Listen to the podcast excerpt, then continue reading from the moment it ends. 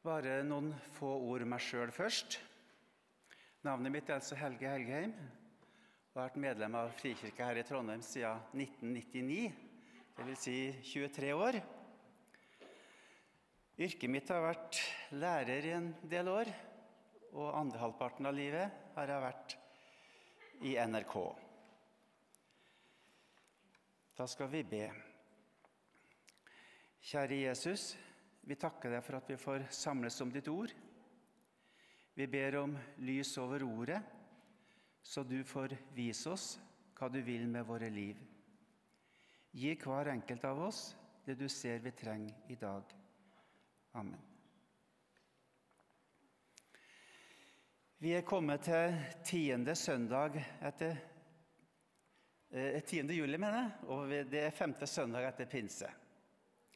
Og En av tekstene er henta fra Salmos ordspråk, kapittel 7, vers 1-3. Min sønn, ta vare på mine ord. Gjem budene mine hos deg. Hold fast på budene, så skal du leve. Ta vare på min rettledning som din øyensten. Bind dem fast til fingrene Skriv dem på din hjertetavle.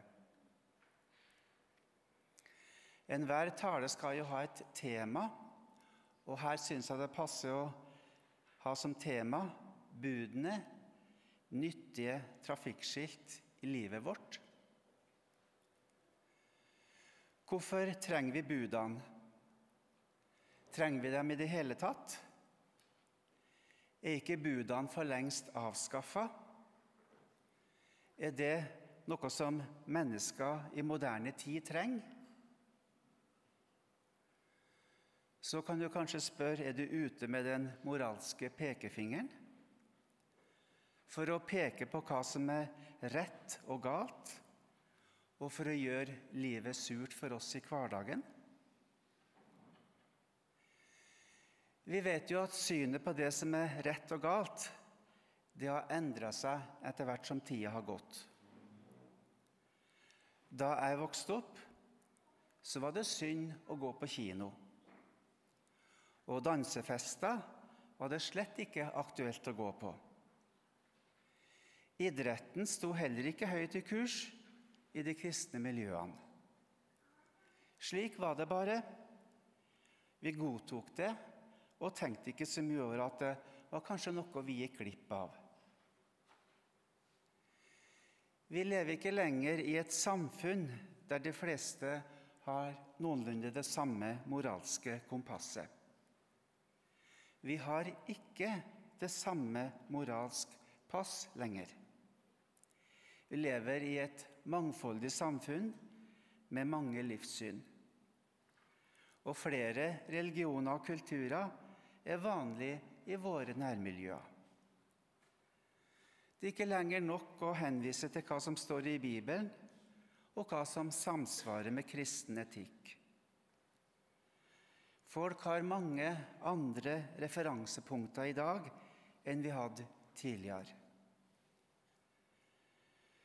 Vår kultur og vårt folk er ikke lenger så prega av kristendommen som det en gang var.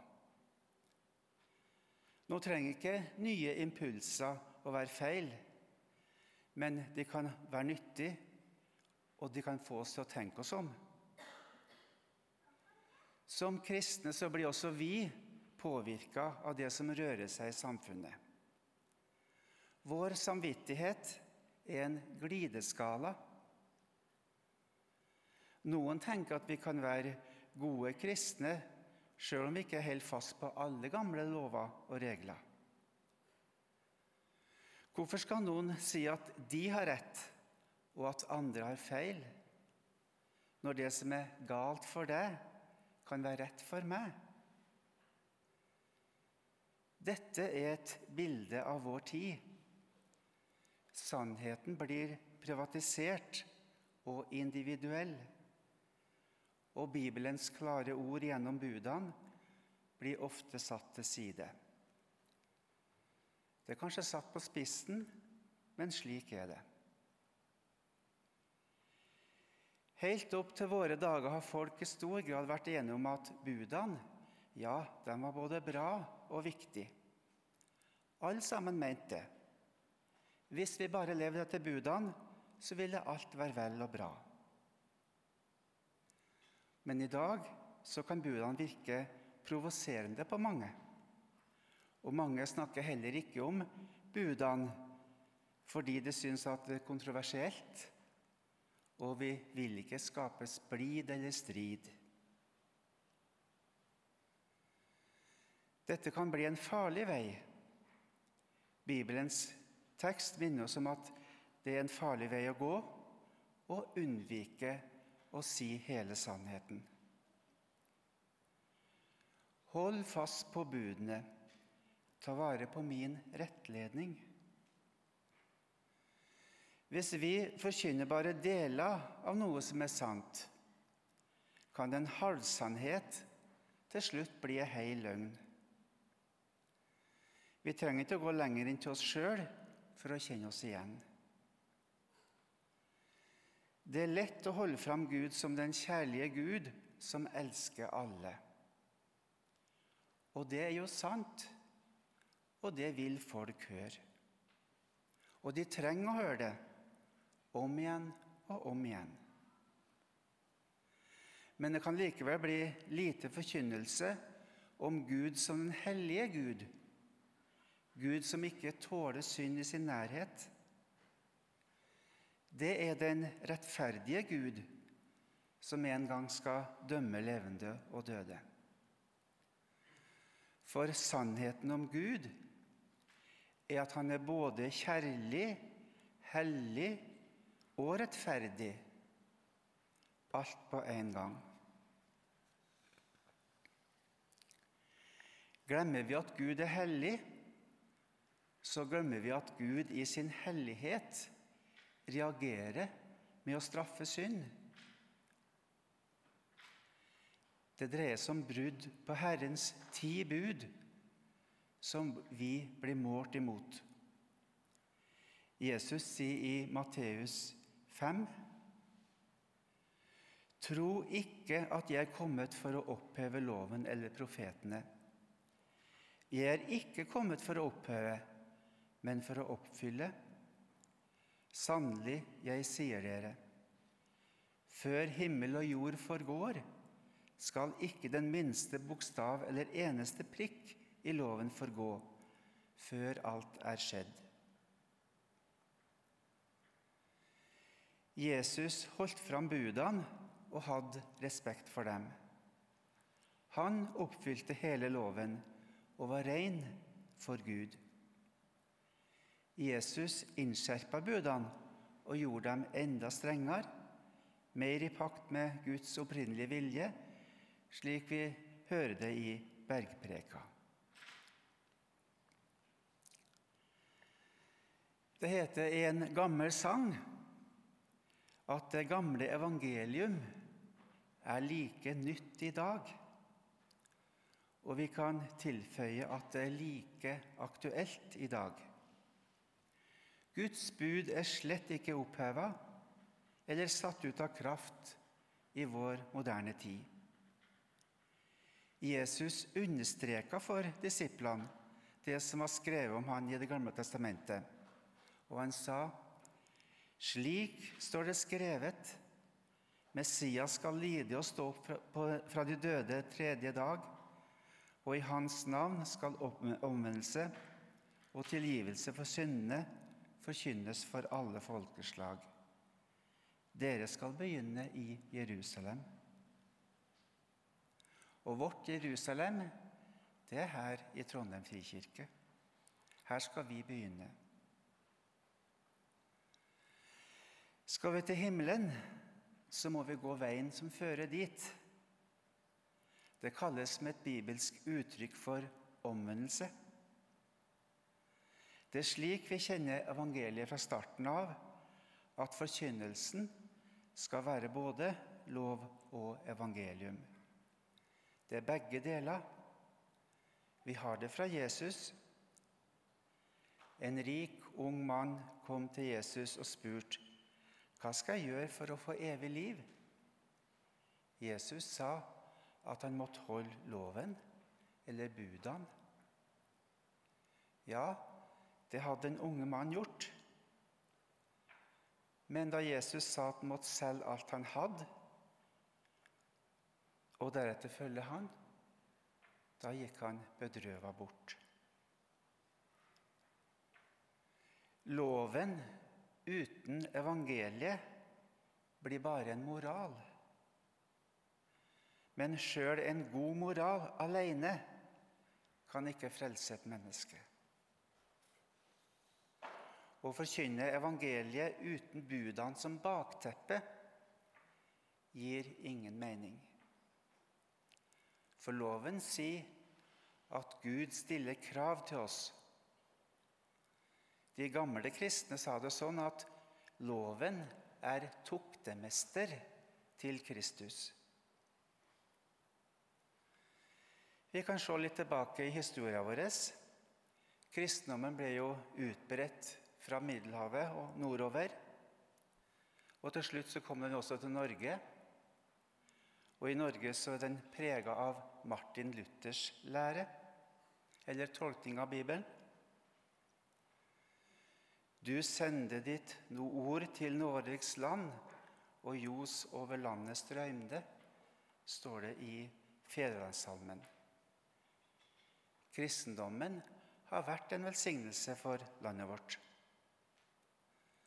Det var Kirka som starta med skole og undervisning i Norge. Det gikk om lag 200 år fra reformasjonen midt på 1500-tallet til konfirmasjonen ble innført i 1736. Men fordi at konfirmantene måtte lære budene og andre kristne leveregler, så måtte de også lære å lese og skrive. Og fra 1736 og helt fram til 1969 så var kristendomsundervisninga i norsk skole den var evangelisk-luthersk, og det var den som gjaldt. Det har blitt lest og gjengitt mange bibelfortellinger rundt om i klasserommene i Norge. Mange lærere i vår gamle skole forkynte i praksis både lov og evangelium, sjøl om de ikke var engasjert sjøl mange ganger. Bibelen, og bare den, er den høyeste autoritet for tro, liv og lære. Det betyr at hvis vi skal finne ut om hva som er rett og hva som er galt, så må vi gå til Bibelen for å finne svar. Og står det ikke noe konkret om en spesiell sak i Bibelen, så har vi fått evnen til å tolke situasjonen så godt vi kan, ut ifra budene og ut ifra vårt etiske kompass, og la det avgjøre konklusjonen i en sak. Nå er jo Bibelen en kompress, kom, eh, sammensatt bok. Den består av 66 forskjellige bøker. Noen hører Den gamle pakt til og gjelder ikke i Det nye testamentet fordi Jesus kom med noe nytt. Hans liv og gjerning endra alt. Jesus oppheva lovreglene og oppfylte Guds krav til oss så vi skal gå fri. Det betyr ikke at loven er oppheva, men den er oppfylt. Det som Gud vil si oss gjennom profetene og de hellige skriftene, det er til å stole på. Skriften er klar. Og dersom noe syns uklart for oss, så kommer det av at vi er begrensa, slik Paulus skriver. Vi skjønner bare stykkevis og delt. Vi ser ikke alt og kjenner ikke alt. Slik tenkte våre kirkefedre, og sånn er det også i dag. Lov og evangelium skal gå hånd i hånd. Og Nøkkelen til å forstå Bibelens budskap er at den handler om Guds krav og om Guds gave. Det er altså lov og evangelium. Loven sier at vi synder og bryter Guds lov. Og det gjorde at det måtte sones igjennom offer. Profetene ga løfte om at Messias en gang skulle komme og befri sitt folk. Israelsfolket venta spent på Messias. Hva slags befrier ville han være? Det nye testamentet handler om denne Messias som Gud lova skulle komme. Jesus er oppfyllelsen av løftene fra Det gamle testamentet. Og overalt der Jesus gikk, kunne folket se at gamle profetord gikk i oppfyllelse. Han levde et menneskeliv uten synd og oppfylte Messias-profetiene ved å gi sitt liv som løsepenge for menneskeheten. Til soning for all verdens synd. Han ble ikke en nasjonal befrier, en politiker, slik mange hadde sett for seg. Men Jesus kom for å frelse enkeltmennesker, for å frelse fra fortapelse til himmelen. Og det budskapet finner vi oppsummert i det kjente bibelverset som kalles for Den lille bibel for så høyt har Gud elsket verden, at han ga sin sønn den nedbårne, for at hver den som tror på ham, ikke skal gå fortapt, men ha evig liv. Jesus opphever ikke noen av Guds bud. De gjelder fortsatt. Han sa at mennesker ikke kan få fred med Gud og arve evig liv ved bare å leve moralsk og godt. Det er fordi at synda, den sitter integrert i oss. Vi er syndere av natur. Derfor må Jesus gi oss nytt liv, et liv som er av Gud. Det er når vi kommer til Han og overlater våre liv til Han, at det skjer.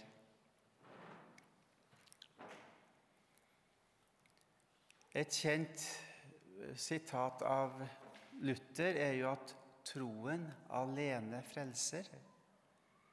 Troen alene er nøkkelen. Luther fant ut at han ikke kunne kjøpe seg fri fra sin synd med penger og avlat. Hans konklusjon var rettferdiggjørelse ved troen alene. Hvordan blir mennesket rettferdig for Gud? Alle så er vi jo født etter at synda kom inn i verden. Ingen av oss er født inn i Edens hage. Jeg husker at en av mine leirledere sa det sånn at vi er født med ryggen mot Gud. Og det er like vanskelig å bli frelst som å reise over Atlanteren på en pinnstol. Det sa min gamle leileder. Og det har jeg tenkt mye på. Det er vanskelig å bli frelst. Men likevel så vet vi at det er håp. Den hellige Gud tåler ikke synd i sin nærhet. Men samtidig elsker han synderen. Løsninga var at Jesus måtte dø. Gud fant sjøl ei løsning, bygde ei bru mellom avgrunn og Gud.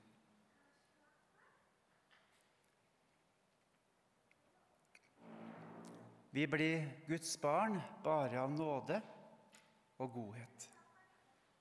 Vi kan på ingen måte bidra til vår egen frelse. Nei, vi kan ikke engang skape vår egen tro. den må vi også få i gave. Det er en gave fra Gud gjennom Hans ånd. Synda er sona en gang for alle. Trua vår er å ta imot et gjeldsbrev. Og der står det på det brevet at gjelda er betalt, og det er Guds verk. Til slutt så blir det derfor nåden alene. Vi kan fortsatt ta med oss noen ord av Martin Luther. Han sier i sin forklaring Jeg tror ikke at jeg av egen fornuft eller kraft kan tro på Jesus Kristus eller komme til Han. Men Den hellige ånd har kalt meg ved evangeliet, opplyst meg med sine gaver, helget meg og holdt meg fast i den sanne tro. Det er den tru som gjør mennesket rettferdig overfor Gud. Den er basert på tillit til Guds nåde. Nåden alene er helt sentral. Gud tar altså gjennom Jesus Kristus mennesket til nåde, gir det sin ånd, gjør det til sitt barn og tar det inn i sin troende menighet, som det heter i vår kirkes dåpsliturgi. Vi bruker begrepet nådemidler om Guds ord. Og I vår kirke har vi to nådemidler dåpen og nattverden. Gjennom de synlige nådemidlene så gir Gud oss sin usynlige nåde. Vår tro, den bygger på Guds nåde. Det er Skriften alene som gjelder. Vår visshet er basert på at Bibelens ord er til å stole på, fordi det er Guds ord. Gud sjøl står bak sin hellige skrift, og det er Guds hellige ånd til våre hjerter som gir oss opplevelse av fred med Gud.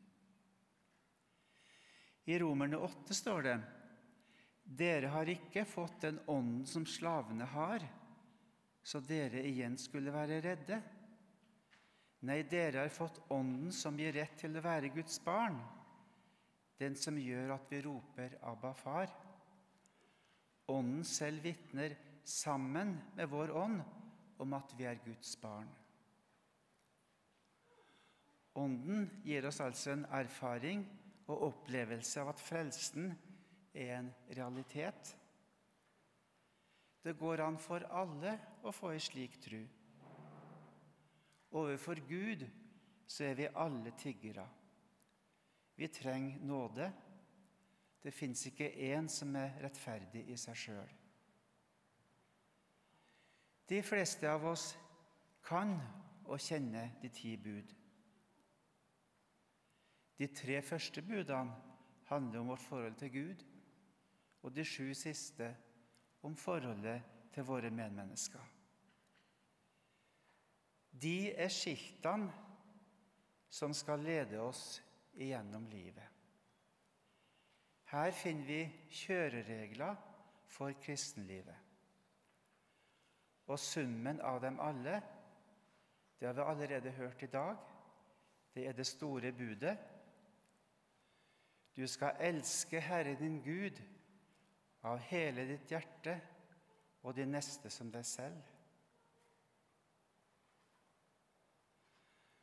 Nå har Gud i sin visdom gjort det sånn at den rettferdigheten som vi trenger, den kan vi da bare motta som en gave så vil Ånden minne oss om når vi har synd som må bekjennes.